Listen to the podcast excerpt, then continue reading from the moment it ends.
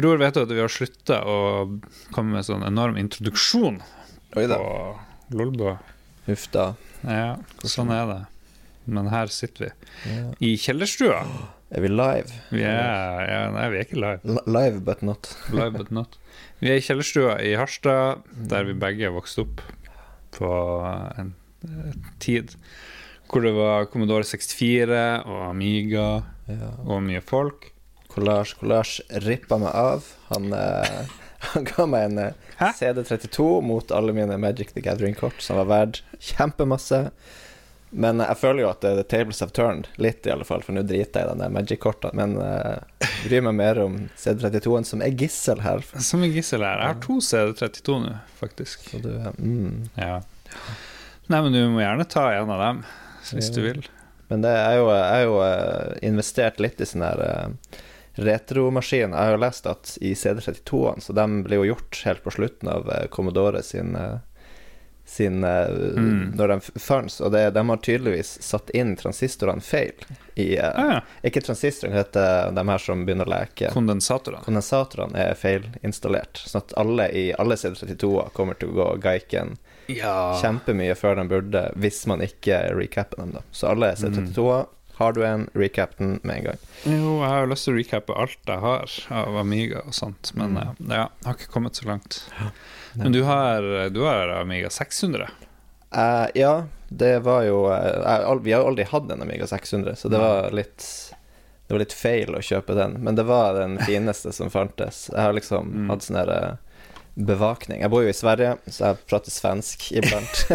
Ja, det er disgusting. Jeg ja. Men eh, kaster opp i munnen min. Uh, hva heter? Finn.no i Sverige heter Blocket, og der har man Blocket. bevakning for å liksom uh, få alerts når det kommer noe ut. Jeg har alerts på Amiga kjempelenge, så da er det liksom Kommer det en Amiga whatever, eller uh, det finnes Amiga byggutstyr, sånn der eh, Hmm. byggelampe og drit, så jeg får veldig mye usaklige greier. Ja.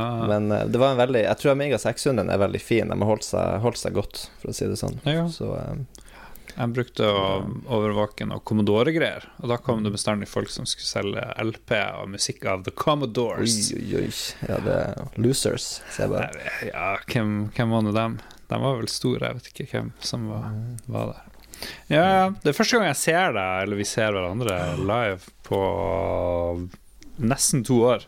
Post, Post-pandemi reunion. Ja, Mm. Så vi, vi har sparka ut alle andre fra Lolbua, så nå er det kun brødre.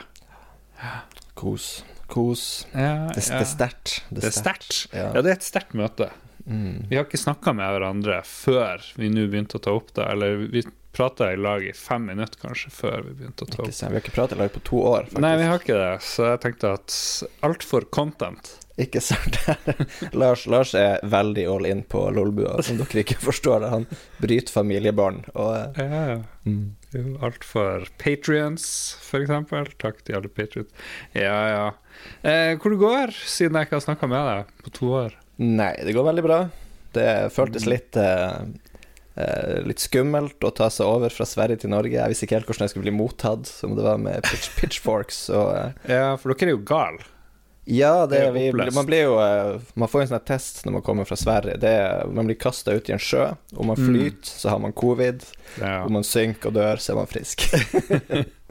ja det syns jeg er fornuftig. Ja. Fornuftig gjort. Eh, jeg kjørte fra Kautokeino innom Finland, så gjennom Sverige og så til Harstad her for en ukes tid siden. Og Nei, ikke så mye engang. Og så, når du får inn til Finland, så alle hadde maske på butikken. Og så kom du inn til Sverige, og der har ingen hørt om maske. Jeg for og spurte folk de bare Hva er denne mask for noe? Kissa meg, jeg skal gi deg covid, sa de. ja, men det er vår eh, statsepidemiolog Tegnell, our pa Mm. patron saint. Han har jo sagt at uh, masks are for losers, så Ja, ja. vi følger jo han uh, ganske heavy. Ja. Nei, men det er kanskje litt kjedelig å snakke om covid nå. Jeg tror på om folk er litt sånn over det, eller er det på tilbake? Gjør det comeback nå? Jeg tror, jeg tror i Sverige så sitter alle bare og ser på den her eh, world Det er noe som heter worldometer, der man kan liksom se eh, stats. Mm. Vi bare venter på at Sverige skal bare sink to the bottom, og alle andre skal bli verre enn oss. Vi tror, vi tror inn i det siste at vi har gjort rett, alle andre har gjort feil. fuck, it at eh, fem Altså, hva, 15 000 svensker daua, 800 nordmenn, men eh, vi har gjort rett. uh, ja, lykke til. The, Lykke the the, numbers are wrong, for å si det sånn. Men uh, Mm. Nei, jeg ønsker dere lykke til. Syns det, jeg tror det blir bra. mm. Dere, dere gjør mye bra. Um, Ed, hvis du ser bort ved trappa her i kjellerstua, så er det en svær rød eske. Og hva er i den, Jan Fredrik? Jeg tror det er et juletre. Helje, kanskje. helge. For det har jeg tenkt mye på i det siste. Jeg har lyst til å sette opp juletre Mm. nå helt i starten av november. Jeg har fått en del motstand. Det må jeg si. Folk som sier nei. Det, jula begynner sånn rett før jul. Og så skal du ha juletre kanskje en uke eller to. Men de samme som sier det her, annet mamma og sånt, de hadde juletre til påske et år, eller noe sånt. Jeg kan, jeg kan røpe at eh, jeg bor jo hos eh, moder nå med min eh, familie. Mm. I en liten leilighet, ikke hos min bror som har et helt hus. Ah, things to do. I need my space. Uansett. Um, så vi er jo fem, fem stykker i to rom, eller noe sånt. Men uh, det var ikke poenget mitt. Poenget mitt er at jeg har jo fått julemarsipan nå når jeg har kommet hjem. Ja. Så jeg spiste julemarsipan, og vi skal spise pinnekjøtt eh, Mm. før vi drar hjem. Så uh, jula, jula er her. Det, Ja. Om noen Ja. tror noe annet, så tror de feil. ja, ja. Så du støtter meg med å sette opp juletre? Jeg tror i alle fall om moderen ikke støtter det, så er hun hykler. Det Nei, det Nei, jeg elsker jul. Jeg har med meg julestrømpe, og ja, nei, vi gjør veldig mye julete, så det Mm. Mm. Why not? Ja, for i fjor så var det jo en ting Da skulle man feire mye mer jul Og så Ja, sette opp treet kjempetidlig Så folk Kjør på med jul Og det har jeg tatt til meg Og nå begynner jeg å bli lei at det er så mørkt Så da tenker jeg Let's go Let's make Christmas Med en Jo, men det er jo, det er jo eh, pan pandemi Pandemic living, altså du må eh, Carpe diem. Det er bare å leve nå. Eh, Føler man for jul nå, så feirer man jul nå. Det syns jeg egentlig. mm. Pluss eh, logistikkrisa, som betyr at det kommer ikke til å være noen varer i butikkene hele desember. Så skal man feire jul nå, så tror jeg det man Ja faktisk kan gi julegave. Okay. Nei, men da Det er min spådom. I will do this P PhD-spådom. Ja, du er høyt utdannet Det må vi jo få med Jeg vet bedre enn alle andre, bare vil få sagt det. Ja, så bra. Så bra. Mm. du som er, vet bedre enn alle andre, Ja. hva, hva gjør du som du har lyst til å dele sånn ellers fra livet ditt? Eller har gjort? Skal gjøre drømmer om? Drømme om Nei, men uh, hva man gjør, hva man gjør. Forsøke, forsøke å oppdra barn er jo 90% av eh, tilværelsen. Og Ja. når man ikke gjør det, så sitter man stort sett og stirrer på en TV, skal jeg Ja. si. Apropos barn, nå er jeg jo Jeg kan ikke si jeg har barn, men jeg har jo eh, mye å gjøre med barn, i hvert fall. Så jeg, jeg, jeg kler på meg foreldrerollen av og til, selv om jeg ikke er sånn 100 det. da Nei, men det skal jeg, Om jeg tenker litt etter, så, så må jeg si at um, 40-årskrisa har jo tatt meg med storm, egentlig. Det er vel Ja. kanskje det store. Man har fylt eh, 40 år siden forrige gang. Mm. Så det har resultert i uh, pizzaovn til en uh, 5000-7000 kroner som bare kan brukes til å steke pizza. Kommer sikkert til å brukes kjempemasse. Uh, Før vi går videre med din 40-årstid Jeg var, Ja. legger merke til at du var, ikke, du var null interessert i min uh, Jeg begynte å musisere over farsrollen som du Nei, men jeg, jeg bare kom på at jeg har ikke lyst til å bruke tida til å tenke på farsrollen her. Så jeg angrer veldig på at jeg tok det opp, egentlig, og bare okay, ok, ok. Jeg, vil, jeg vil heller prate om det andre, for det Du the trauma. du vil snakke om deg sjøl og pizza. Ja, kjør på. Ja, nei, men det, det jeg har jo min, er min 40-årskrise. Det er pizza til masse. Det er bordtennisbord. Og det Gratulerer. handler jo egentlig om Så kjøp bordtennisbord. Vi har ikke så jækla stort hus, men uh, Du har kjøpt Amiga, som du hadde her i kjellerstua. Du har kjøpt Mm. bordtennisbord, det hadde du òg her nede. jeg har kjøpt bordtennisrobot for å ha noen å spille mot. ja, det er jo ikke trist. Nei, not, not at all. Uh, Hvordan, hvordan går det mot roboten? Eh, problemet er jo som oftest at man kjøper masse kule ting, så rekker man jo ikke å bruke det så veldig mye. Jeg hadde jo en drøm om eh, Ikke sant, man har hjemmekontor, så um, til lunsj så skulle jeg liksom eh, Ah. pus, pusse på mine loops, eller Ah. mine, mine skruer, men det Ja, ja, det Ja. kommer. Det kommer, det kommer. Ellers eh, teleskop til 20 000 kroner. er kjøpt. Uh, Ja, gaze, gaze at the stars. Ser du mer på naboene gjennom vinduene og sånt? Hvor er han?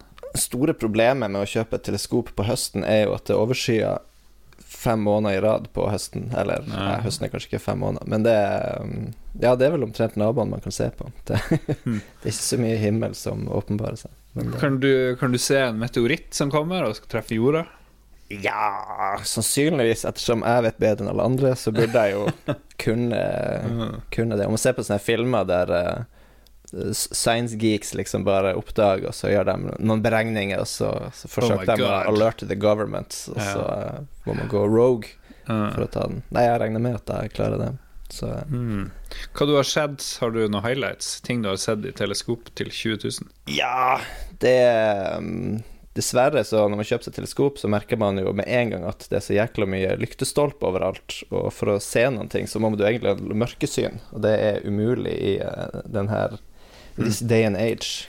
Men i himmelens, himmels eh, hore er jo eh, vår What? store redding. Nei, men det er om man eh, med en gang man begynner å interessere seg for himmel, så Først blir man veldig glad for å kunne se Jupiter, for det er en stor planet. Man kan se den røde, røde flekken og alt det der. Er det himmelens store hore? For den er, det, det er det eneste du kan se til slutt. For den er der, den er så utrolig mye lyssterkere enn alt annet. Og når du ser på den gjennom, et teleskop, så blir man jo blenda, så at mørkesynet bare Wow. går bort. Så den er liksom som en sånn skjøge som viser seg frem, og Ok, beklager metoo. Det vi kan eh, Hmm. Men det, det Jupiter er veldig sånn Den, den tar eh, alt spotlight, liksom. Det er Hæ. ingenting annet som er så lett å se på, men som også liksom bare ut, uteblender alt det andre. Er det, er, er det kult å se Jupiter? Det er jo kult første gangen, men så begynner du å irritere deg over den. For det er liksom det eneste du ser. Sjøgen tar all oppmerksomhet. Nei, men det jeg tror ikke noen bryr seg. Men Andromeda-galaksen er jo ganske kul. Ingen vet at Andromeda-galaksen tar fire ganger så stor plass på himmelen som månen, faktisk. What? Så det, det er liksom bare at den er så lyssvak. Men et uh, teleskop gjør jo egentlig at pupillen din blir veldig mye større. Så at du tar inn mye mer lys, og du kan se mer lyssvake ting. Så Mm. se med et stort teleskop med lite forstørrelse mot Andromeda-galaksen. Kjempefin. Hæ. Jeg tror Lars kommer til å kutte hele denne sekvensen. Ja, her så er vi, vi går I'm videre. sleeping now. Nei, nei, det jo, jo, men det, artig. Ja, men det, det skal jeg si at, at når jeg begynner å prate om sånne teleskop, i alle fall i min lille omgangskrets Altså Det er utrolig mange som uh, kryper ut av sitt geekskjell og bare ja. laidback folk som får et sånn herre du ser liksom uh, den barnslige gleden komme frem, så eh, men okay. kanskje, kanskje ikke her, hva vet jeg. Nei, men jeg heier på deg og din 40-årskrise. Jeg gjør det. Um, da tror jeg vi Det er på tide å spille noe musikk, kanskje? Skal vi se vi må, Det her er veldig low tech. Jeg må legge ned isbjørn mi, og skal vi gå på Spotify. Lars tar frem mobilen sin her og har ikke planlagt ja, det her er bare Det her er low tech. Det er ikke noe Kan du kjøre, kan du kjøre Rambo 3? Rambo 3. Mens du driver og gnukker, så kan jeg si at i Sverige så har vi noe som heter Slay Radio. Har dere det i Norge? Eh, ja, det er jo sånn internettradio. Ja, ja. Men det er fra Göteborg, tror jeg. Så det Å, shit. Jeg fant uh, level 2-theme, Rambo 3. Så jeg tror ikke det blir sånn veldig bra kvalitet, men jeg jeg følte at det var på tide med en liten pause.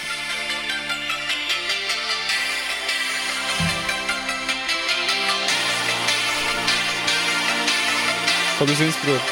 Jeg trodde dere klippet det inn med musikk i stedet for å holde den Jeg gidder ikke klippe inn da, mot, eh, denne gangen. Det er jo uh... It's not gonna happen. ja. Jeg for, forsøkte å overtale Lars at vi heller kunne bare sitte og spille Rambo på Commodore 64 under, under greia. Jeg forsøkte vel ikke veldig hardt, men det, jeg tror det er et spill med veldig mye Veldig mye potensial som man aldri oppdager. Ja,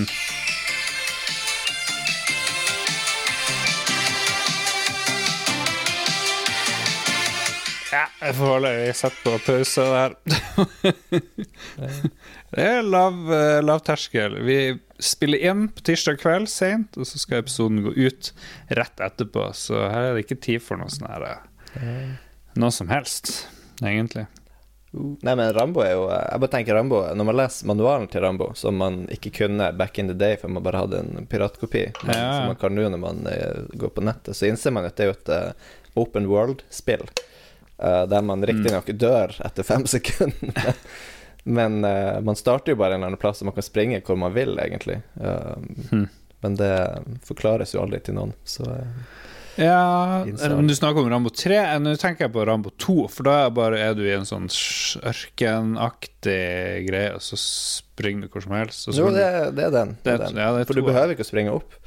Nei, nei nettopp. Ja. Tror jeg. Men Eller er er det to er det 3? om. Jeg kanskje blander. Jeg blander Tre er jo Ja, nei, gud. Nei, du skal springe inn en sånn her eh, POW-camp og redde en fyr, og så skal du springe til et helikopter. Jeg tror det er det som er greia. Helikopteret er slutten da var Rambo tror det er 2, ingen, som men har, ingen som har klart det. nå har alle datt av her. Eh, så vi må bare gå videre. fine med det her er at Lars kan klippe det bort. Nei, det er ingenting Hva? klippes. What?! No cuts at Jeg må skjerpe meg. Jeg tenker man kan bare sitte her og Jo, jo, det, bare ta det med ro. Du var litt nervøs før det her, men det er ingen, det er ingen som tar det her seriøst uansett. Uh, vi må snakke litt om hva vi har spilt i det siste. Jeg tenkte jeg skulle spille et nytt golfspill som kom til Switch, som jeg lasta ned, og så har jeg glemt hva det het, så rant tida ut. Så da du var på vei, så satte jeg på Alan Wake remastered på nedlasting i full panikk. Som du eh, rett eh, analyserte situasjonen da du så at jeg hadde på noe da du kom. Men jeg tenkte ja, ja. Jeg likte jo Max Payne 1 og 2. Og syns jo eh, finsk spillindustri må støttes, eh, selvfølgelig. Så jeg kjørte på med, med det. Eh, Ja, vi spilte det litt lag, eller jeg spilte og du fulgte med. Det handler jo om en sånn, sånn Stephen King-aktig fyr. Fær med kjæresten på tur ut i sånn ødemarka liten by. Tenker Twin Peaks, tror jeg, så tenker man Ja. rett. Ja, det var veldig mye Twin Peaks-referanser du tok. Ja, det var veldig mye kaffe. Man er på en liten diner, og folk bare prater om hvor god kaffen er, liksom. Og Ja. eh, halvparten av spillet virker å være å finne kaffetermoser, så jeg vet ikke om det kan bli mye tydeligere enn det. Og så var det en sånn log-lady der òg i starten, bortsett fra at hun holdt en lanterne. eller Det var loglady, og folkene du skulle slåss mot, var sånne der uh, hobos som det var liksom vanskelig å fokusere på. Og det er jo, Ja. uh, Om man har presset seg gjennom sesong tre av Twin Peaks, så er det jo hobos everywhere. Så ja, Ja, ja, er en uh, major theme til Lynch. Jeg har jo ikke sett Twin Peaks sesong tre, bortsett fra det lille du har vist meg. Så det er jo Jeg syns jo Jeg syns det var fantastisk, men det man, man Jeg vet ikke. Man, bare, man blir jo glad for at noen får lov å være helt uh, crazy og får lov å gjøre hva de vil, liksom. For Mm. Lynch er jo åpenbart ikke blitt styrt av noen executives i det hele tatt. Uh, så det er veldig fint. Så høydepunktene er veldig høye, men det er veldig mange uh, Ja. Det er veldig mye dead, dead eh, space, eller dead ja. Hmm. Ja. Nei, jeg vet ikke hvordan jeg skal få sett uh, Twin Peaks sesong tre, men uansett. Ellen Wake uh, Veldig rart. Du begynner i et mareritt, og så drar du i en sånn by. Du tar eh, ferga til en by. Så skal du hente nøklene til stedet du og kjæresten skal bo i, og så blir det mer mareritt, og så havner du Så går du rundt med en lommelykt og en gun og skyter folk. Du må liksom weakne fiendene med lommelykta di, og så kan du skyte dem.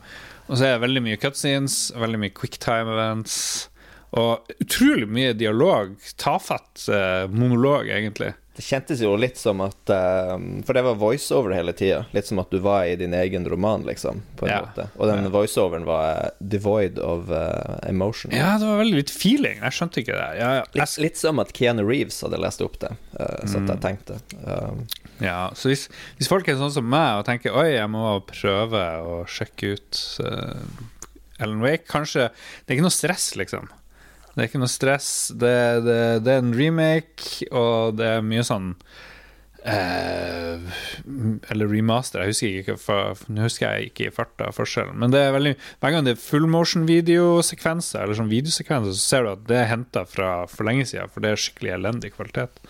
Veldig dårlig. jeg tror min, min eh, tanke når jeg satt og så det, spille de her Mm. 15, 15 minuttene 15, ja, i hvert fall 30. i panikk Jeg tror det er omtrent det du har spilt når du har anmeldt spill i din, eh, spillanmelderkarriere. Du, du får alt du trenger å vite av et spill de første 15 minutter. Uansett, jeg tenkte jo at uh, Fantasmagoria er jo den man skal spille. Min, uh, så klart min spill, spillerutvikling stoppa jo en gang på 90-tallet, men uh, Fantasmagoria, for dem som vet hva det er, var jo awesome. Jeg tror man kan spille det på Steam. Tror jeg, jeg, jeg bare så noen delte bilder. Her var så helt forferdelig ut.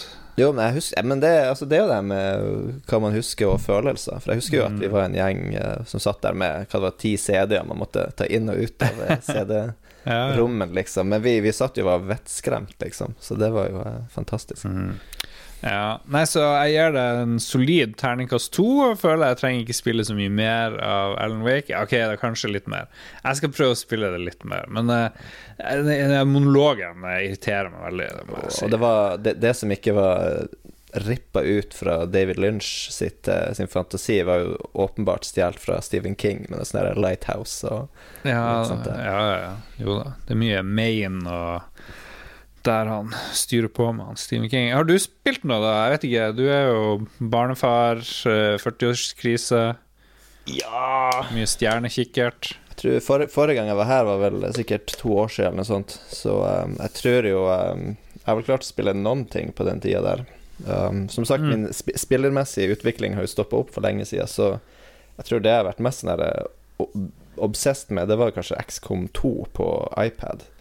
Uh, War of the Chosen Expansion. Ja, det, var, um, det var veldig forvirrende først, for det er så mye content at det er bare sånn spesialmission på spesialmission på spesialmission. Men bare man overlever dem ti første, så um, hmm. Så begynner man liksom å få litt uh, oversikt. Men det var, det var sånn at jeg bare ble usosial på sånne familiefester, for jeg vil gå på, gå på do og spille det i stedet for å prate med folk. Ja, så det er vel et bra, bra betyg for å si det sånn. Så, mm.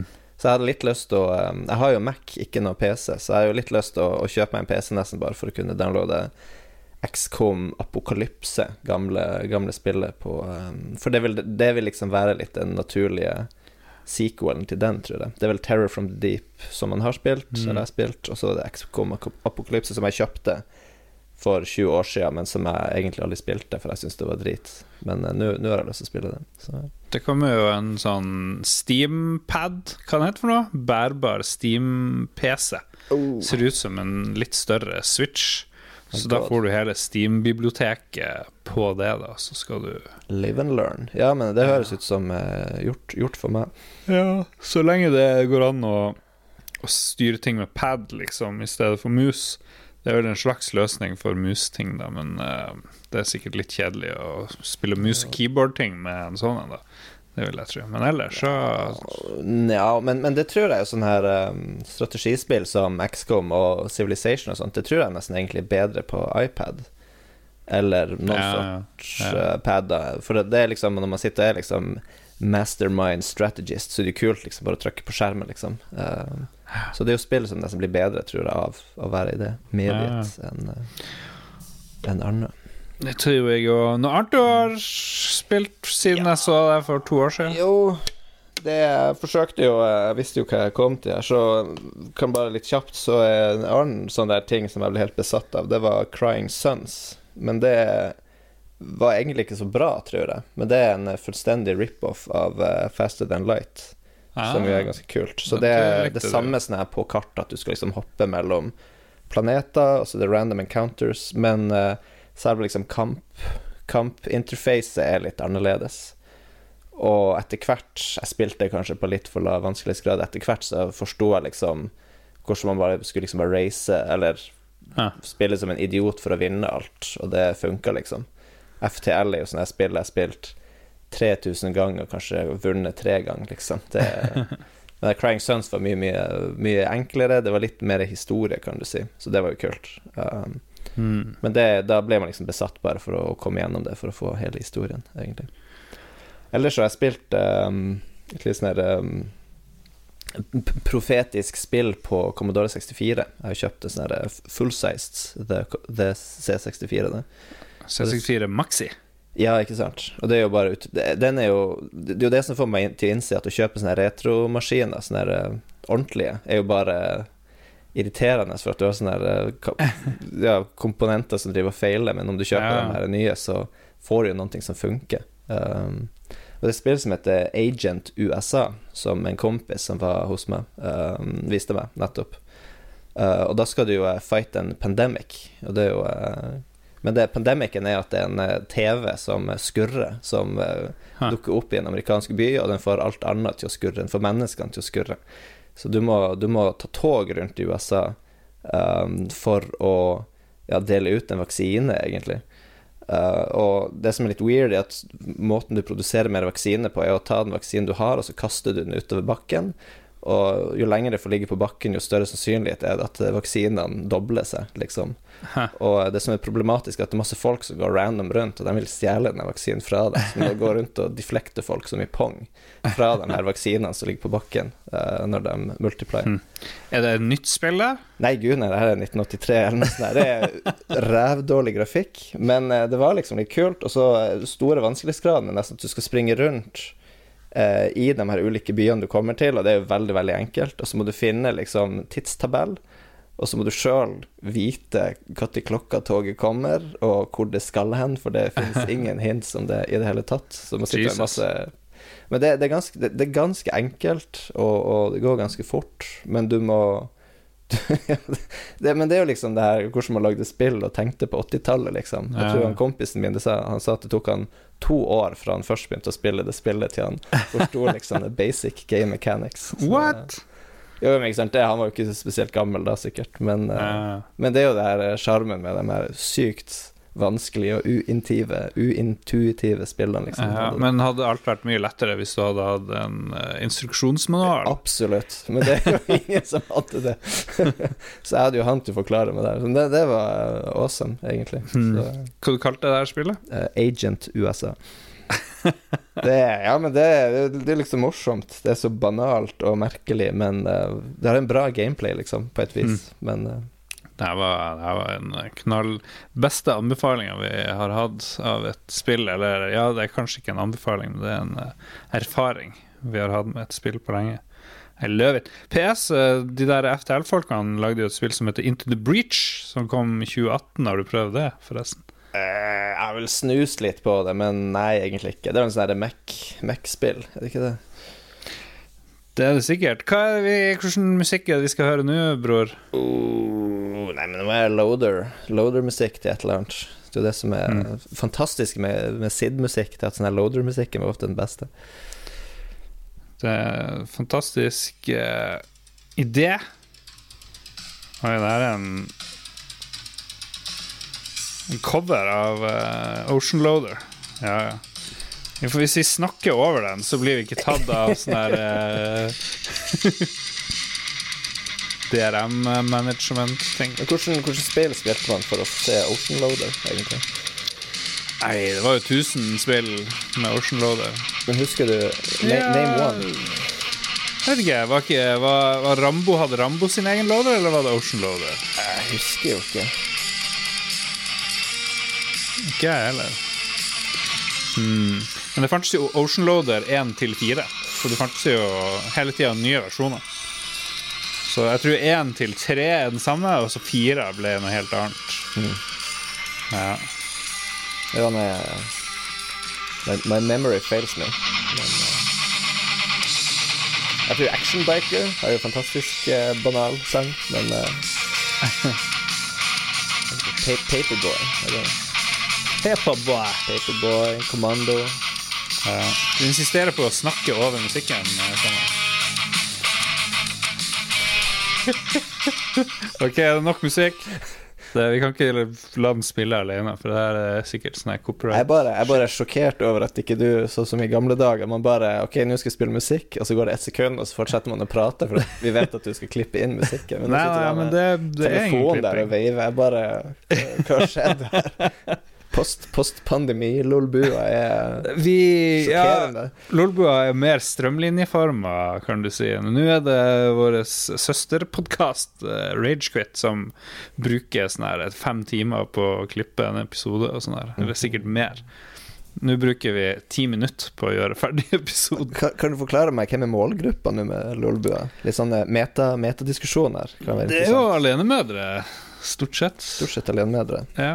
Ditt, har, du, har, du, forklart folk ditt claim to fame der? Det, Hva du mener Men som journalist, du sitter med en, eh, en sånn rekrutteringsoffiser som eh, litt sånn sleivete sier at uh, sønner til alenemødre er uegna som militære, og så blir du uh, ah, ja, ja, det var det. Ja. Ja, jo, nei, jeg drev og intervjua en fyr som journalist for lenge siden, og så sa han noe sånt, som du sa, og så havna den storyen på Skavlan og Dagsnytt 18 og alt Du var sånn sommervikar i Harstad-tida. Ja, ja, ja. Sånn er det. Vi var alle, vi var alle veldig stolt. Og kjære, kjære riks, riksmediebror. Hell yes. Vi skal anbefale ting, bror. Jeg vet du har, du har mye å anbefale i din tilværelse. Det jeg vet, er at du har sett Dune. Du har satt deg dypt inn i Dune-law.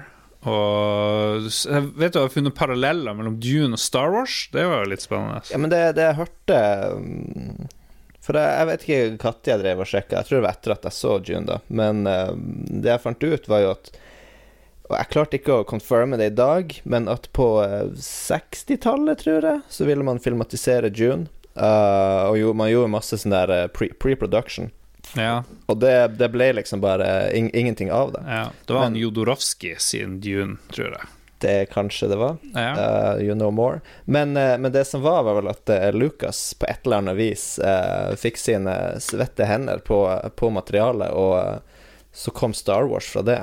Så uh, Jedi Mind Tricks er jo det her The Voice, og uh, Mm. Jabba the Hutt er Harkonnen, og jeg vet ikke. Det Ørkenplanet. Ørkenplanet. Men det Frank Herbert leste jeg i dag, da vil jo tydeligvis uh, Han skrev eh, Han pratet med en journalist, og han sa vel at uh, han, han forsøkte så hardt han kunne å ikke saksøke George Lucas når han så, uh, så eh, Star Wars, og uh, Mm. hvorpå eh, Lucas svarte at eh, jo visst, det fins eh, likheter mellom filmene, f.eks. er begge på en ørkenplanet, liksom. Punktum. Mm. Men uh, mm. Ja. Hvem, eh, hvem ble rik og milliardær? Var det Frank Herbert, eller var det George Lucas? Jeg har ikke aning. Jeg tror jo begge ble ganske filthy rich med, med våre standarder, i alle fall. Ja, Håper jeg, i alle fall. Jeg aner ikke hvordan det gikk med han Frank Herbert. Han skrev jo, skrev jo masse, i alle fall. Det, det, det at de prøvde å filme det, betyr vel at han, han var i alle fall eh, kjent, men uh... Han var i alle fall kjent. Ja, La oss ikke spekulere mer om det. Eh, har du fått noen andre tanker om Dune? Er det noe du har lyst til å si om Nei, men jeg tror vel eh, det er vel vanskelig å ikke slå inn åpne dører her. Jeg, jeg har vel prata litt med ulike folk om June, og visse likte Jeg tror de fleste liker den. Det er vel visse folk som ikke liker den, og jeg kan vel være enig om at jeg syns den syretripp-faktoren på David Lynch sin June var awesome. Jeg skulle gjerne hatt eh, mer av den. Jeg syns kanskje den der drømmesekvensene er litt for straight forward i den nye. ja. Men hva heter for noe, han regissøren? Han Eh, jeg å si Villeneuve, men det er kanskje ikke det. Han er Formel 1. Ja, Jacques Villeneuve som regisserte. Han, han blir vel sagt å være en av de kjedeligste regissørene i Hollywood. Han har ingen humor eller noen ting, liksom. Ah. Men eh, Nei, men jeg syns det var kult. Jeg syns det var Big Vistas. Det var litt sånn der gammel Blade Runner, liksom, når man kjører innover sånne her industrielle landskap. Mm. Og jeg syns det, det er veldig trivelig at det kan være litt eh, old, eller litt eh, slow, slow cooking. Men eh, Slow cook. Jo, jeg likte det. Jeg likte det nå. Mm.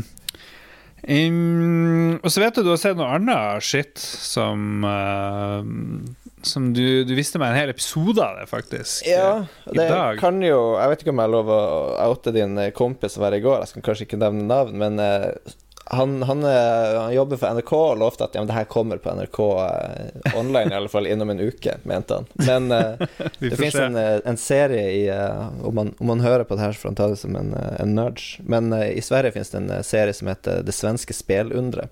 Ja. Uh, så det er en sånn dokumentarserie i fem episoder, tror jeg, som tar for seg hvorfor den svenske spillindustrien har blitt en uh, huge uh, suksess, uh, i alle fall sammenlignet med den norske, som tydeligvis er 60 ganger mindre, eller noe sånt. ja, jeg tror det jobber sånn 300-400, hvis vi er heldige i norsk Ja, I Sverige er det ti, de nærmer seg 10 000 um, Oi, oi, ansatte. oi, gjør de det? Og, ja, ja, jeg, har, jeg jobber jo i på, på ja, universitetet i Lund i Sverige med matematikk. Jeg har jo flere um, ja, folk som jeg kjenner som har hoppa fra matematikk til Massive, f.eks. Uh, Prata med dem. Mm. Det, det er litt kult. De har jo sånne eh, sa- safe room som er sånne screener fra Cosmic Race, der de har sånne maskiner som man sitter og gjør super high-tech-greier på, som ingen andre får lov å være borti, liksom. Så det Oi. Som er helt isolert. Cosmic Race. Ja, ja, men altså, det, det er helt sånn der det, de, de er jo helt uh, superparanoide, at noen skal liksom kunne hacke seg inn på dem, så de får ikke lov å Mm. være kobla til noen ting, liksom. Um, Ja, det er overraskende mange selskap hvor plutselig så laster noen ned alt, alt de finner, og bare deler det. Det jo ikke sant. Det var vel uh, Division han jobba på, han, han har pratet med spesifikt om det. Mm. Men, eh, men ja, men serien er superduper. Altså det, jeg bare syns det er så deilig å eksempel i den første episoden så tar de for seg uh, liksom startskuddet for det hele. Og det var vel Det er vel ikke bare i Sverige det var, men, men um, kanskje også i Norge, at de forbød, de forbød jo spillehaller, altså arcades og flipperspill og sånt, på tidlig 80-tall, for at de mente at eh, gutter kom til å prostituere seg for å få penger til å spille. Kaste bort sine 100 kroner om dagen, liksom. Så, um, så da måtte man jo finne på ting sjøl. Og da Mm. kom jo, mener de i den serien, da, det kom jo um, rollespill til Sverige, det kom eh, Nintendo, og det kom Commodore 64, liksom. Boom, boom, boom. Og det her er Game and Watch, eller hva det heter. for Ja. ja, det var litt artig, for det var en historie om en sånn random TV-radioforhandler i Kungsbakka som Han var i Singapore eller et eller annet sted, og så fikk han tak i en sånn Game and Watch. Og så fant han ut at han skulle fære til Japan og prøve å få agenturet på det her, da, sånn at han kunne selge det i Sverige. Og du må fortelle hvordan han gjorde det. Det er litt humor. Jo, men han, ja, ikke sant, for han var jo bare en eh, TV- og radioforselger i Sverige som hadde litt kontakt, han vært i Hongkong og sånt der, men så forsto han jo at Japan var veldig spesielt, så han spurte liksom rundt hvordan, hvordan skulle man gjøre business med japanere. Og da fikk han jo råd at eh, ja, du skal absolutt ikke prate business med dem. Du skal liksom bare ja, ikke, ikke gnell, ikke prate business, bare liksom omgås med dem. Og så må du kjøpe dem noen ting, eh, noen krystallgreier til dem. Og han bare what? Uh, men så gjorde han jo det. Så dro han til, til, til jeg vet ikke, Tokyo eller Kyoto eller noe sånt. Fikk et møte med en sånn der eh, high up i Nintendo. Uh, de gikk på restaurant, prata i tre timer om ja, været og alt annet og om ikke sant, ingenting. Mm. Og helt på slutten så fikk han et eh, svensk askebeger, tror jeg, i eh, krystall.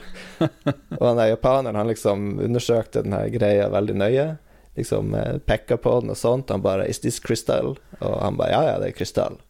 Og så sier japaneren på han bare 'OK, you get Sweden'.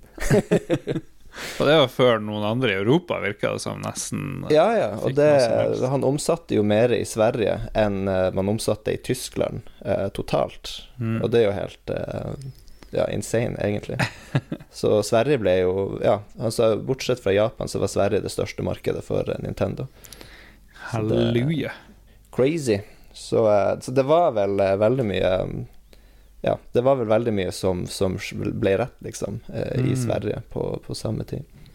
Og det, jeg må si, jeg syns det var deilig å se en dokumentar som liksom Vi har jo spilt eh, rollespill i, i kjelleren her kjempemye, liksom. En dokumentar som tar det fenomenet på alvor, liksom, og ja, ikke bare liksom gjør det til så, Som forteller den historien litt innifra, liksom. Det er folk som kan det, som forteller om det, og det er ikke sett på som Mm. noe weird, liksom. Og også der Commodore 64, hele den greia og alt det der. Det Men det irriterer meg jo veldig, og det, nå har vi jo ikke vært borti på langt nær alt fra bare første episoden.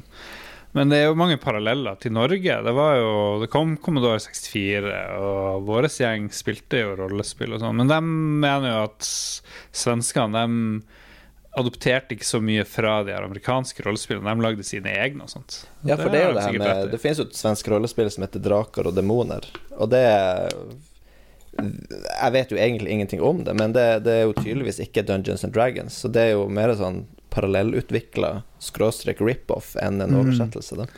Ja. Så de mener jo at det her med at svenskene gjorde sine egne greier, i motsetning til alle andre, det skapte en følelse av at ja, men det her kan vel vi sjøl. Um, så ja, så det, det Men, men um, vi har jo bare sett først, første episoden, ser man andre episoden, så kommer man jo inn i den der demoscenen. Mm. Um, og jeg husker, for du, du kjøpte jo Back in the day så kjøpte du sånne her demodisketter til Amigaen eh, på postordre eller noe sånt der. Og da var det jo en som var sånn der kul, at det var en sånn der som en odyssey gjennom uh, verdensrommet. Mm. Og den tror jeg er med i episode to av den der dokumentaren. For da var det en svenske som hadde gjort en 3D-motor, Ja. som man gjorde en sånn huge uh, demo av. uh, med litt kul musikk og uh, litt sånne fights i verdensrommet. Den ser jo ganske dårlig ut med dagens øye, da. ja. Men det, det gjorde jo at han ble oppringt av folk fra USA, liksom, og de bare hylte i telefonen at 'nå må du komme deg over, så skal vi lage spill', liksom. ja. Så det var mm, Jeg vet ikke, de hadde vel litt flaks også. Og, um, Nei, det var jo mange som lagde musikk og grafikk og mm. koder i Norge så jeg, ja, jeg er veldig Syns det er litt trist. Trist at uh, norske Noen lagde jo ting, og noen lager jo ting uh, i dag òg, ja, Mayhem er vel et uh, norsk, norsk Harstad-spill, er ikke det? Ja, ja, ja, Mayhem det var- ble jo stort. Det, det var noen naboer og litt ellers som Ja. lagde. Nei, Jeg må si når jeg kjøpte uh, Amiga 600, en av de første spillene jeg downloadet, var jo uh, Mayhem, som jeg moste på. Det funka jo. Ikke så artig enplayer. Ja, men det er jo det. Man, det er jo bare at man ser en vegg, så eksploderer man jo, så det er jo vanskelig. Det er jo vanskelig bare å Er det noe enplayer-action i det spillet i det hele tatt? Jeg husker ikke, jeg bare Man sus- sus- suste jo litt rundt. Det som er så kjedelig med den der 600-en som jeg kjøpte brukt, det er jo at jeg får en sånn rødskjerm eh, på to tredjedeler av alle spill jeg spiller. Oh no. Og de spillene som funker, har jo aldri noen sånn save-funksjon. Chuckrock, til eksempel. Altså det, Ja. du kommer deg til level 3 etter sånn 20 minutts kjemping, og så dør du for at du gjør noe teit, og så er du på level 1 igjen. Det er ingen steder kode eller noen ting for å komme seg noen plass. Og det var jo litt morsomt, for jeg, jeg googla jo den her rød, røde skjermen som man får, um, og da kom jeg til et sånt forum der folk drev og, og var litt sånn sur på det her, og så var det en som kom med sånn kommentar at ja, ja, det her er det du får for å kjøpe en Amiga. Og så så jeg på datoene for eh, når de her beskjedene var kommet, og det, var, det her var jo et forum fra sånn 92 eller 93 eller noe sånt. Men det var litt kult, for det var helt umulig å se liksom når du surfa inn på det. Så det, det, det må ha vært en eller annen BBS eller noe sånt som har lagt Ja. ut uh, hele databasen sin. det, det var litt nice. Det, Ermagerd. Nei, det ligger en Commodore 64 oppå der, og så er det en Amiga 1000, 2000, jeg husker ikke, 500, 1200, CD32 inne i boden baki her. Men det er jo ingen av de som er liksom shina opp, da. Så det Lars er en hoarder, for dem som ikke Lars er hoarder og teknisk incompetent. Incompetent. Jeg kan anbefale eh, det der eh, Cowboy Bebop. Japans serie. Jeg husker ikke om jeg nevnte det i forrige episode. Litt semidrunk her. Men det er jo japansk jazz i verdensrommet. Dusørjegere som fyker rundt. Veldig henslengt tone. Dusørjegere de bryr seg ikke så veldig mye, virker det som.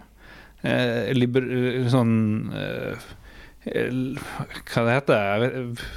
Veldig lemfeldig eh, forhold til liv og død og egen sikkerhet, virker det som. Når de får springe rundt og slåss og skyter og flyr romskip og, og herrer rundt. Men den er jo aktualisert fordi det kommer en live action-variant. Det har kommet en del trailere i det siste. Så Cowboy Bebop er, is coming. Og jeg må si de trailerne de ser ganske taske ut. Jeg vet ikke. Taski på er litt sånn drit. Uh, Ja, jeg jeg syns jo det visuelle inntrykket av Cowboy Bebop Det har alltid provosert meg på en måte. Jeg, synes, jeg, jeg liker jo sånn her klassisk anime, sånn der um, mm. ja, Akira og Ghost in the Shell og sånt der. Jeg syns eh, Cowboy Bebop ser stygt ut. Unnskyld at jeg sier det, men Det er eh, jo ja, det er mye farger og veldig stilisert og sånt, mens Mm. live action der er alt grått og sånn sepia, var mitt inntrykk. what? Og noen ting var sånn fargerikt, men jeg, jeg vet da faen. Det, Mm. vi skal ikke forhåndsdømme og sånn, men eh, det klassisk cowboy bebop, det, det har jeg fått sans for. Jeg har liksom tenkt det vi har jeg lyst til å se kjempelenge, i sånn 20 år sikkert, eller jeg vet ikke hvor lenge det har eksistert, men eh, Nei, jeg er kanskje, jeg er kanskje irrasjonell, men jeg, bare du sier Cowboy Bebop, så har jeg lyst til å move on. For jeg, jeg blir- provosert. Moveon.com. sånn. Men det, det her er bare fordommer. Jeg har aldri egentlig sett mer enn bitte litt av det. Men uh, Hm. Men uh, ja. Nei, men det får gjerne win me over, for all del. For all del.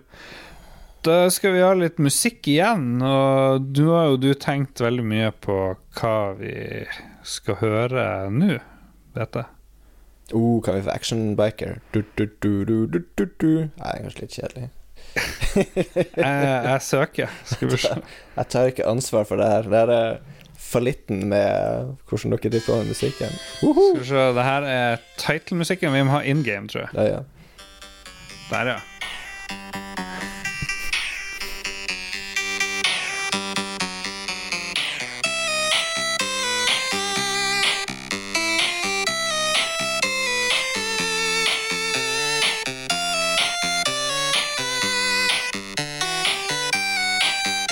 Har du fyrt opp det spillet i det siste, da?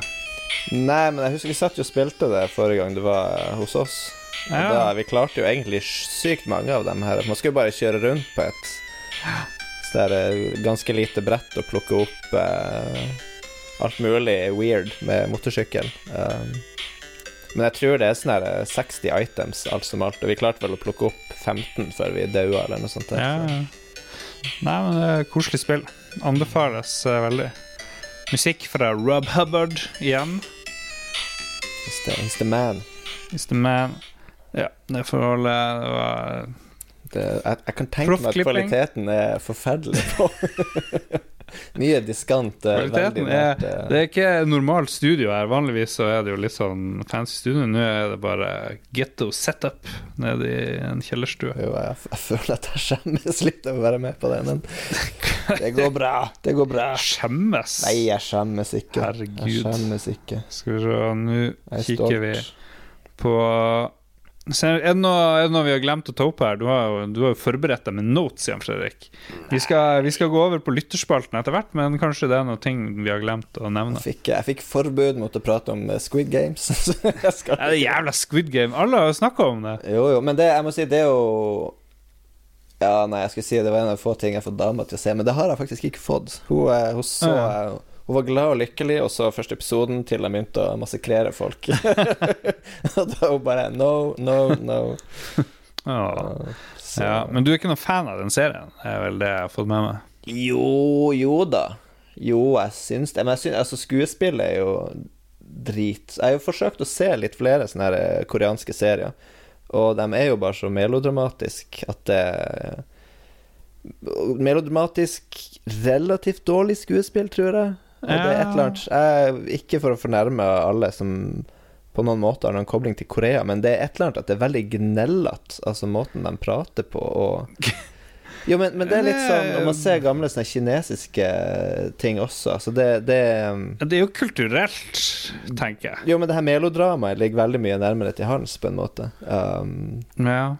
jeg tror Jeg vet ikke hva man skal si. Um, og Ja, men det, det fins flere sånne koreanske serier. Det er bare å se dem til du ikke klarer mer. Men det, de har mye sånne tidsreisegreier, eksempel. Det fins noen kule se, serier som er ganske kule til, til en begynnelse, der folk driver og Jeg husker ikke hva den heter, dessverre, men det er en serie de driver Så hele plottet er at det er en atomkrig i nær fremtid, Mhm. og at de har oppfunnet noen sånne tidsmaskingreier som man kan drive med tidsreiser. Ja. Og det er sånn at det er masse fattige folk som driver og flykter fra framtida til nutida, for at det er liksom for jævlig i den fremtida. Men de, det er ikke så treffsikkert, så de driver liksom og detter ned fra himmelen og sånt der. At de får liksom koordinatene litt feil. Så det, og, det er dem i, og det er liksom der Men in Black i nutid som har forstått det der, så de driver liksom og forsøker å cover opp alt det her.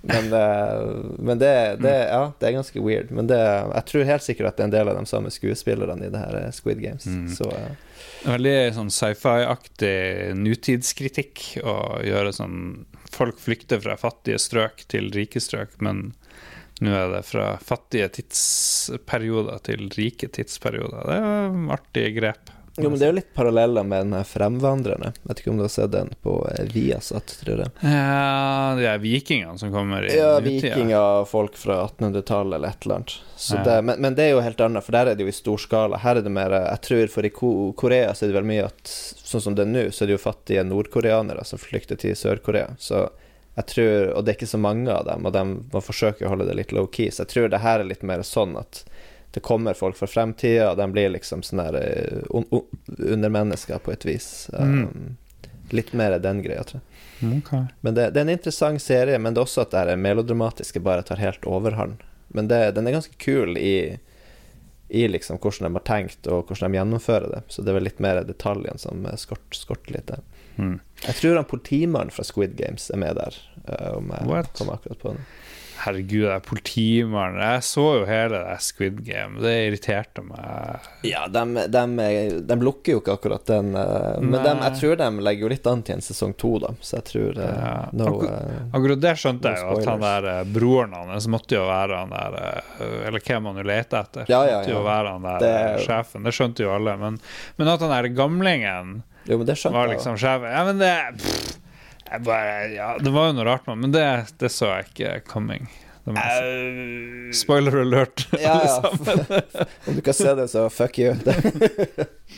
Nei, men jeg skjønte, jeg, jeg skjønte ikke det med en gang med den gamle mannen, men jeg skjønte, jeg skjønte det vel. Man fikk se han litt sånn bakfra eller noe sånt der. I en liten Ja. sånn eh, Ja. Nei, jeg, jeg skjønte det vel litt før de ville at jeg skulle skjønne det, men ikke Ja. kjempemye før. Til mitt forsvar så spolte jeg gjennom veldig mye til slutt, for jeg syns det var, ble Ja, jo, men, dem, eh, men da, da, da vil jeg jo si at um, dropp Squid Games og se heller eh, Alice in Borderland. Det er kulere, syns jeg. Hmm. Vi har fått masse bidrag til lytterspelten, bror. Er du eh, klar til å ta for deg ting fra andre? Bortsett fra at jeg er tom for øl, så er jeg klar. Ok. Uh, Markus Storm Dalsegg. Han har bilde i noen sånn kokkeklær. Uh, har vært medlem av Lolbo Entourage siden 27. februar. Det er veldig bra. Eh, han sier at han bruker musikk fra spill når han trener Humble Brag. Markus. Han legger ved bilde av trackene han bruker å høre på. Er det noen flere som gjør det her? Eh, hører på spillmusikk når han trener, altså. Jo, men jeg skrur på eh, Slay Radio på eh, internettradioen som jeg har på kjøkkenet, når jeg skal filtrere ut uh, barnebråk når jeg forsøker å lage middag osv. Så, videre. så ikke, ikke til trening, men, uh, men litt, til- litt til hverdagsbruk, så jeg syns jeg det funker bra. Slee Radio. Eh, jeg driver og hører på uh, musikk fra Death Stranding, er det jeg holder på med. Du har jo ikke spilt, det er jo han Metal Gear-karen sitt nyeste spill. Er det der et sånn her foster inni Max, eller hva det er for noen ting?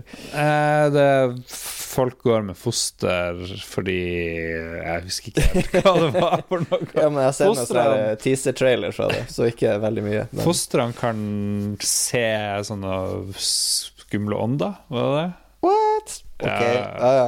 Nei, Og så det- begynner, og så begynner ungen å skrike hvis den blir mer sånn upset, og så må du roe ned. Nei, Det det er fantastisk. Det er et magisk spill. Det er ikke noe til å trene på. Det er ikke treningsmusikk i Death Stranding. Det er det ikke. Men det er treningsmusikk i Metal Gear Solid 5, Uh, eh, vil jeg påstå.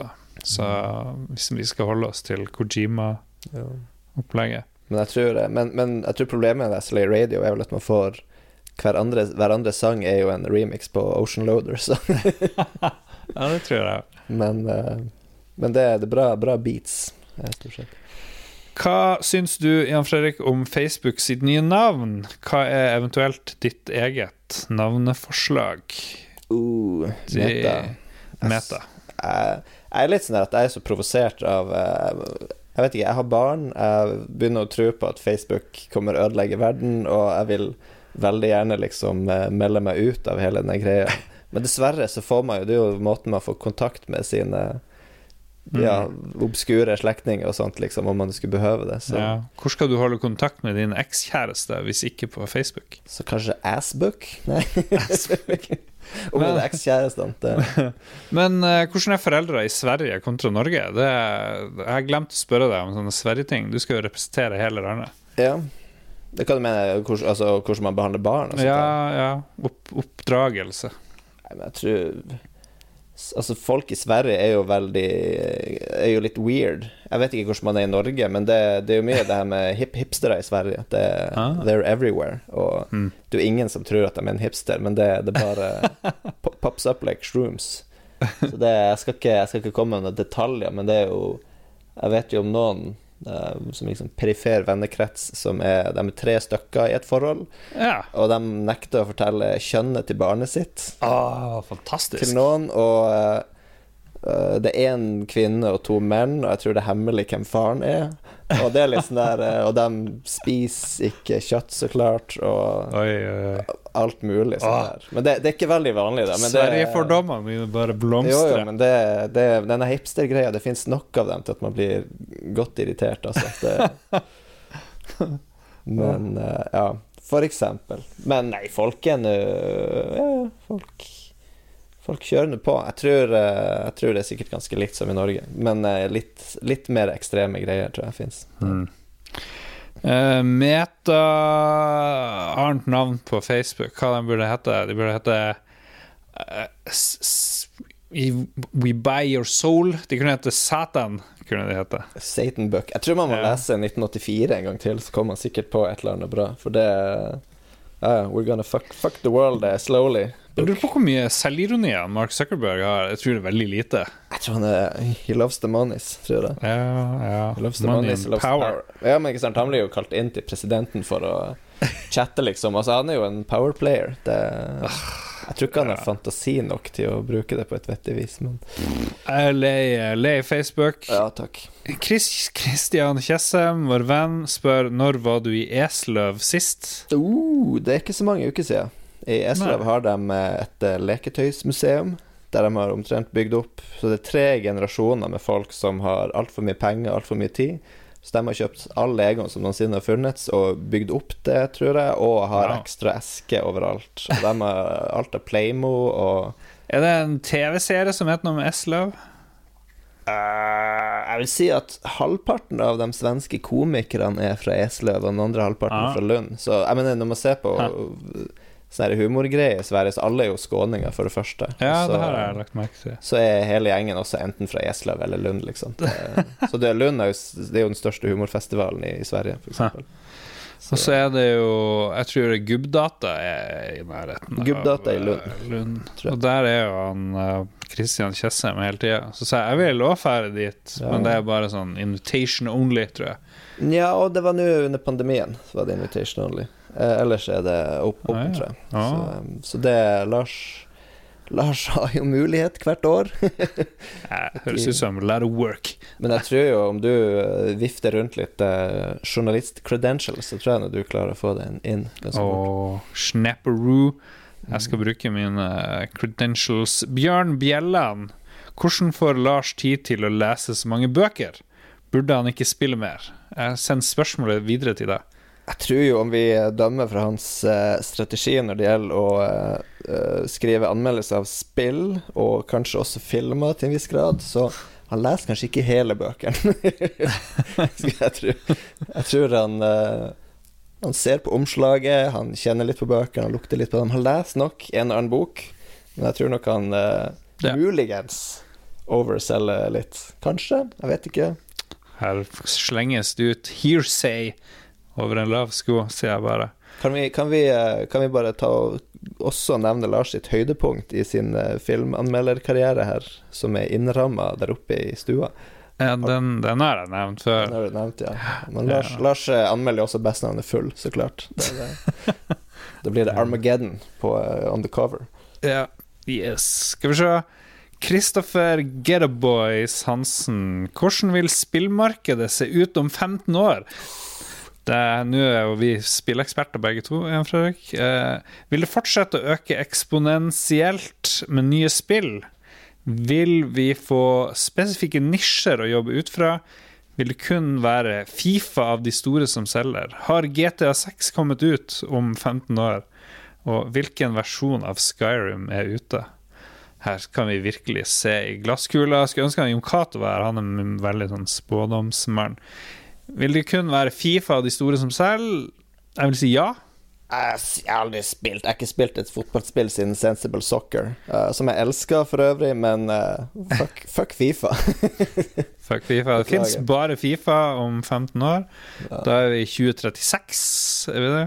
Det blir Ja, gøy. jeg kan jo si at uh, siste episoden av det svenske spillunderet som jeg ikke har sett, handler om fremtidens spill. Da. Så det er jo kanskje Oi. tips, tips for dem som er interessert. Mm, mm, mm. Eh, har GTA 6 kommet ut om 15 år? Ja, det tror jeg vel. Ja. Det må det jo. Det, de, det var jo en uh, sak i nyhetene i dag eller i går at Dr. Dre driver og lager ny musikk til GTA 6.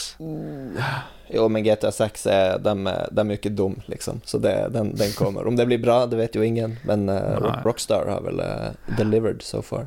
Og hvilken versjon av Skyrim er ute? Det er jo kjent at Skyrim er jo på alt. Sånn fra alt fra mm, kjøleskapsdatamaskiner til kalkulatorer og jeg vet ikke. Men Det det, er sånn som- et interessant spørsmål er jo hvor mye, hvor mye sånn her um, spill som man må sitte og spille i 200 timer, kommer det være, og hvor mange spill er det som man liksom får sånn her instant gratification av. Det, vi prater jo om at eh, norsk spillindustri er jo sinka i klassen. Svensk spillindustri er jo ganske flink, og de har jo masse sånne her storspill. Og finsk spillindustri har jo veldig mye mobilspill. Eh, Ja, forklarte ja. det for meg i dag. Jo da, de har jo òg storspill, selvfølgelig. Sånn som uh, Alan Wake, som vi spilte i sted. No. det, de hadde Control, som kom ut for noen år siden. Veldig stort. Veldig fint. Og Housemark. Jeg tenker som- Angry Birds, er ikke det høydepunktet av uh, finsk spillindustri? Ja, det er jo det, selvfølgelig. Det er jo Finland sin Minecraft. Det er vel Angry Birds, kanskje. Ja. Men uh, Sverige, det, er jo det som er deprimerende Sverige har jo Minecraft, og de har hva heter de her um, Candy Crown, eller Candy, Candy Crush. Crush. Candy Crush, ja ja. Så, Ja, ja. De har jo alt. De har alt. Damn, damn Swedes. Nei, men jeg tenker at eh, Jeg tenker jo egentlig at sånne her, eh, folk som meg, altså vi har jo ikke tid til å Altså når jeg skal spille XCOM 2 liksom fra start til slutt, det er jo en risiko for å ødelegge hele livet mitt, liksom. Det Hvorfor det? Jo, men det jeg blir jo asosial, og det, du kan ikke være asosial når du har masse unger og drit, liksom. Det kan du vel. Det er jo den perfekte tida å være asosial. Jo, jo, absolutt. Ungene klarer seg i Sverige. Masse Sikkert godt barnevern i Sverige, og det går helt fint. Mm -hmm. Uh, Simen Klausen, hvorfor har ikke VR blitt mer mainstream enda, Jan Fredrik? Ja, det kan du si. Jeg husker jeg var i, Japan en gang, og da var jeg veldig nærme å kjøpe de her Mario-VR-greiene som kom på 80-tallet. Det- Virtual Reality Boy, eller hva? Ja, ja, noe sånt. Det var nesten, nesten present for The Brother, men uh, du fikk et eller annet annet. Jeg husker ikke hva du fikk. Åh, magisk. Um, nei, jeg vet ikke, men VR men Folk flest får vel vondt i hodet og blir kvalm av VR, ikke det, ikke det Ja, det var i hvert fall da det, Nintendo lagde VR. Da var det jo sånn. Men uh, nei, jeg vet ikke. Jeg syns det er for mye hassle. Hvor mange år blir det å ta før like mange folk eier VR-briller som en gamingkonsoll? Ja, ja. Jeg var, jo, jeg var jo veldig optimistisk i det der Google Glasses, men uh, det var jo tydelig ja, Det var bare masse creeps som gikk rundt på og filma små barn, liksom. Ja. Og så ser man jo ut som en idiot da når man sitter der med VR. Man ser jo som Hva heter han? eh, Ray Charles, liksom. Når man sitter der. Er skal vi liksom disse Ray Charles også nå?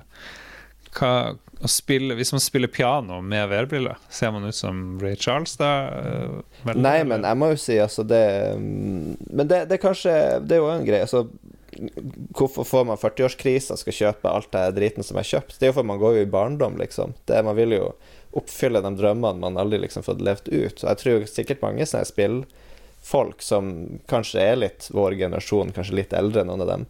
Jeg tenker jo at VR er vel kanskje drømmen de aldri helt har levd ut. Så det kan jo hende at de bare går all in nå. Eh, en gjeng med 40-50 år gamle spillutviklere som bare tenker Shit, det her kom aldri, men nå skal vi skal vi gjøre det. Så eh, det kan jo være at det, det bare får en syk boost.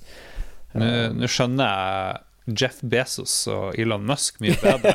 ja, de skal opp i verdensrommet. Det, jeg skal opp i verdensrommet, jeg skal lage flygebil og bil som kjører seg sjøl og Ja, ja, men fuck it. Jeg tror 40-årskrisa er en av de sterkeste drivkraftene. Det er, det er som en tenåring høy på hormoner, liksom. Det, Faen, hvor uh, innsiktsfull du er, min bror. oh yeah.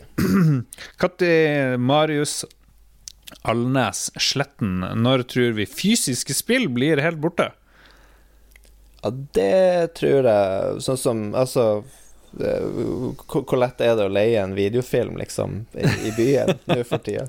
Jeg tror eh, eh, TV-spillene Altså, det er, jo, det, det er jo nesten ferdig nå, liksom. Det, det, it's, it's all eh, streaming og online og sånt. Ja, det er jo noen som liker å samle, da. og ha sånne Ja. Men det er jo det her med å samle disketter til en Commodore 64. De råtner jo opp, liksom. Det Ja, ja. I'm sorry, men det er jo, det er jo sånn som på Altså, det er bedre bare å rive ut den der diskdriven og slenge i en sånn USB-leser, liksom, og accept, tror jeg. Accept.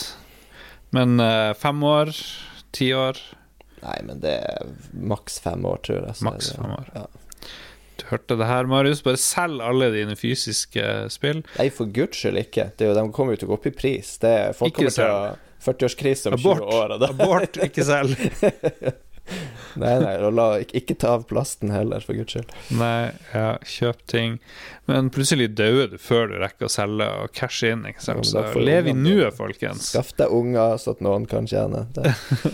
Uh, Andreas Vik med to i-er Olsen. Han er jo vår ukjente bror, tror jeg. Oi. Ja, hallo. Andreas. Eh, hvor stort kommer Lolbua til å bli? Og hadde dere sett for dere at det er sånn som det er i dag, spør han. Og eh, du er jo vår ekspert her. Jeg er jo, jeg er jo, jeg er jo litt uh... Hvor stort kommer Lolbua til å bli? Jeg føler jo at jeg er med på the implosion her. Lars, Lars holder en mobiltelefon med musikk. Det er bare oss to. Det er, hvor er Jon Cato? Han er jo jumped ship for Åpenbart for lenge siden. Hvor er Mats? Det er Nei, og hva het han fra Kristiansand som var med? Han, eh, eller Ja, nei, det, ingen vet. He's, he's gone, he's gone. Det, Magnus Tellefsen, RIP. Ripperooney. ja. Nei, så det er cra crash and burn, baby. Crash and burn. Nei, Dere hørte jeg, jeg er det litt, først eh. Men det er Phoenix. Phoenix will rise from the ashes. Det er Det er Lolbua er going strong. Hvor stort skal det bli? Jeg vet ikke. Det er jo liksom hvor mye, hvor mye tid skal vi bruke på det? Vi bruker jo veldig mye tid. Hvis vi, vi skal gjøre det enda større, så må vi nesten ha det som en dayjob, og det, det Jo, Det men jeg, bare, for å, bare for å plugge meg sjøl, så jeg, jeg driver jo um, Jeg Ja, underviser, jo, jeg underviser jo matematikk på Universitetet i Sverige, og med pandemic så må jo alt være online og bla, bla. Så da har jeg jo YouTube-kanal med Ah. masse bla, bla. Fy faen, hvor lang, fy fy faen hvor lang tid det tar å redigere noen ting. Altså, herregud, jeg forstår ikke at dere har orka. Er det bare å ikke redigere i det hele tatt? Jo, jo, det har jeg jo gjort. Så det, det som ligger ute, er jo eh, so- so-so quality. Men, og det er jo en survival strategy, men det, det, det blir jo ikke bra av den grunn. Det, Det her er kjempebra. Takk for at du spør, Andreas. Eh, hadde vi sett for oss Jeg hadde ikke sett for meg at eh, vi skulle ha så mye folk. At det skulle bli Jeg vet ikke, det er jo fire podkaster tilknytta Lolbua nå.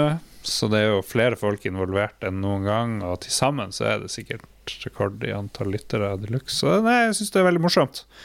Det bringer mye glede til mange. Og litt frustrasjon til en del, men sånn er det. Kan aldri please alle. jeg tar tilbake alt jeg sa. Lolbua forever. Det er bare speak the truth, brother. Og til slutt, siste spørsmål i dag fra Morten Benkestokk.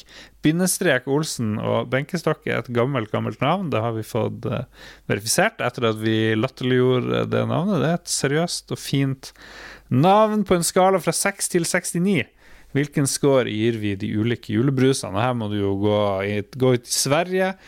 Og er det, Fins det noe bra julebrus der? Eh, I Sverige er det jo en tradisjon med noe som heter julmust. Ja, men det, eh, Ja, men det, det, ja, det, det er som en slags eh, cola som eh, went wrong, eh, egentlig.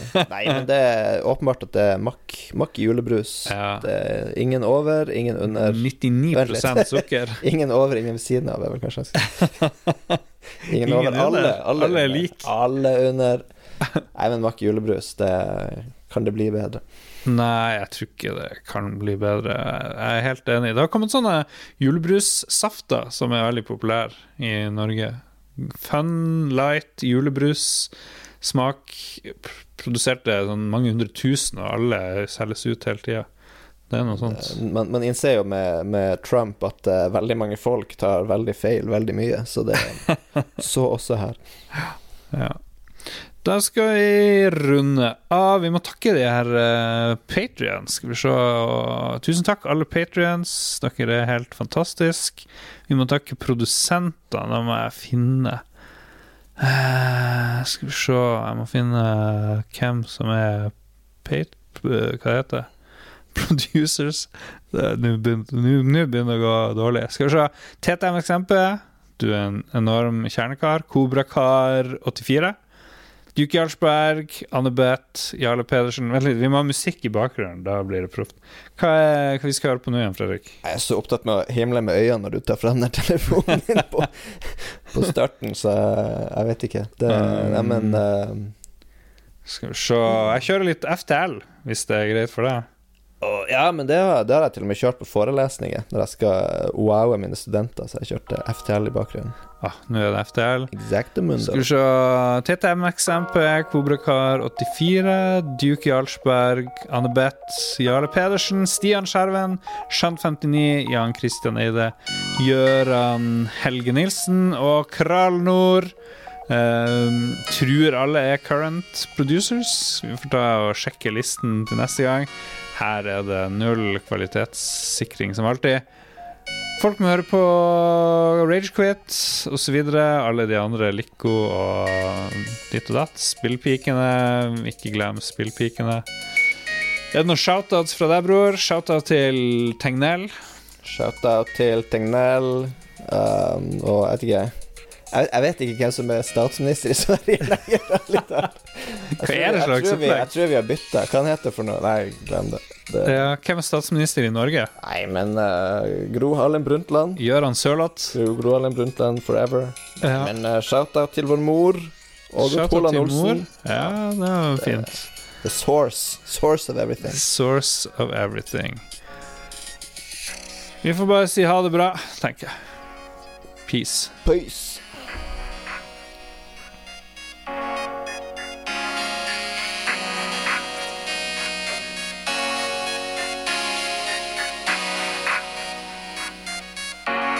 Skal vi skru av musikken? da? Jeg er for opptatt med å himle med øynene til Slutt! Slutt å himle med øynene! Seriøs podkast. Ok, da skrur vi av musikken. Og trykker på stopp. Ha det bra. Har du et enkeltpersonforetak eller en liten bedrift? Da er du sikkert lei av å høre meg snakke om hvor enkelt det er med kvitteringer og bilag i fiken, så vi eh, gir oss her, vi. Fordi vi liker enkelt. Fiken superenkelt regnskap.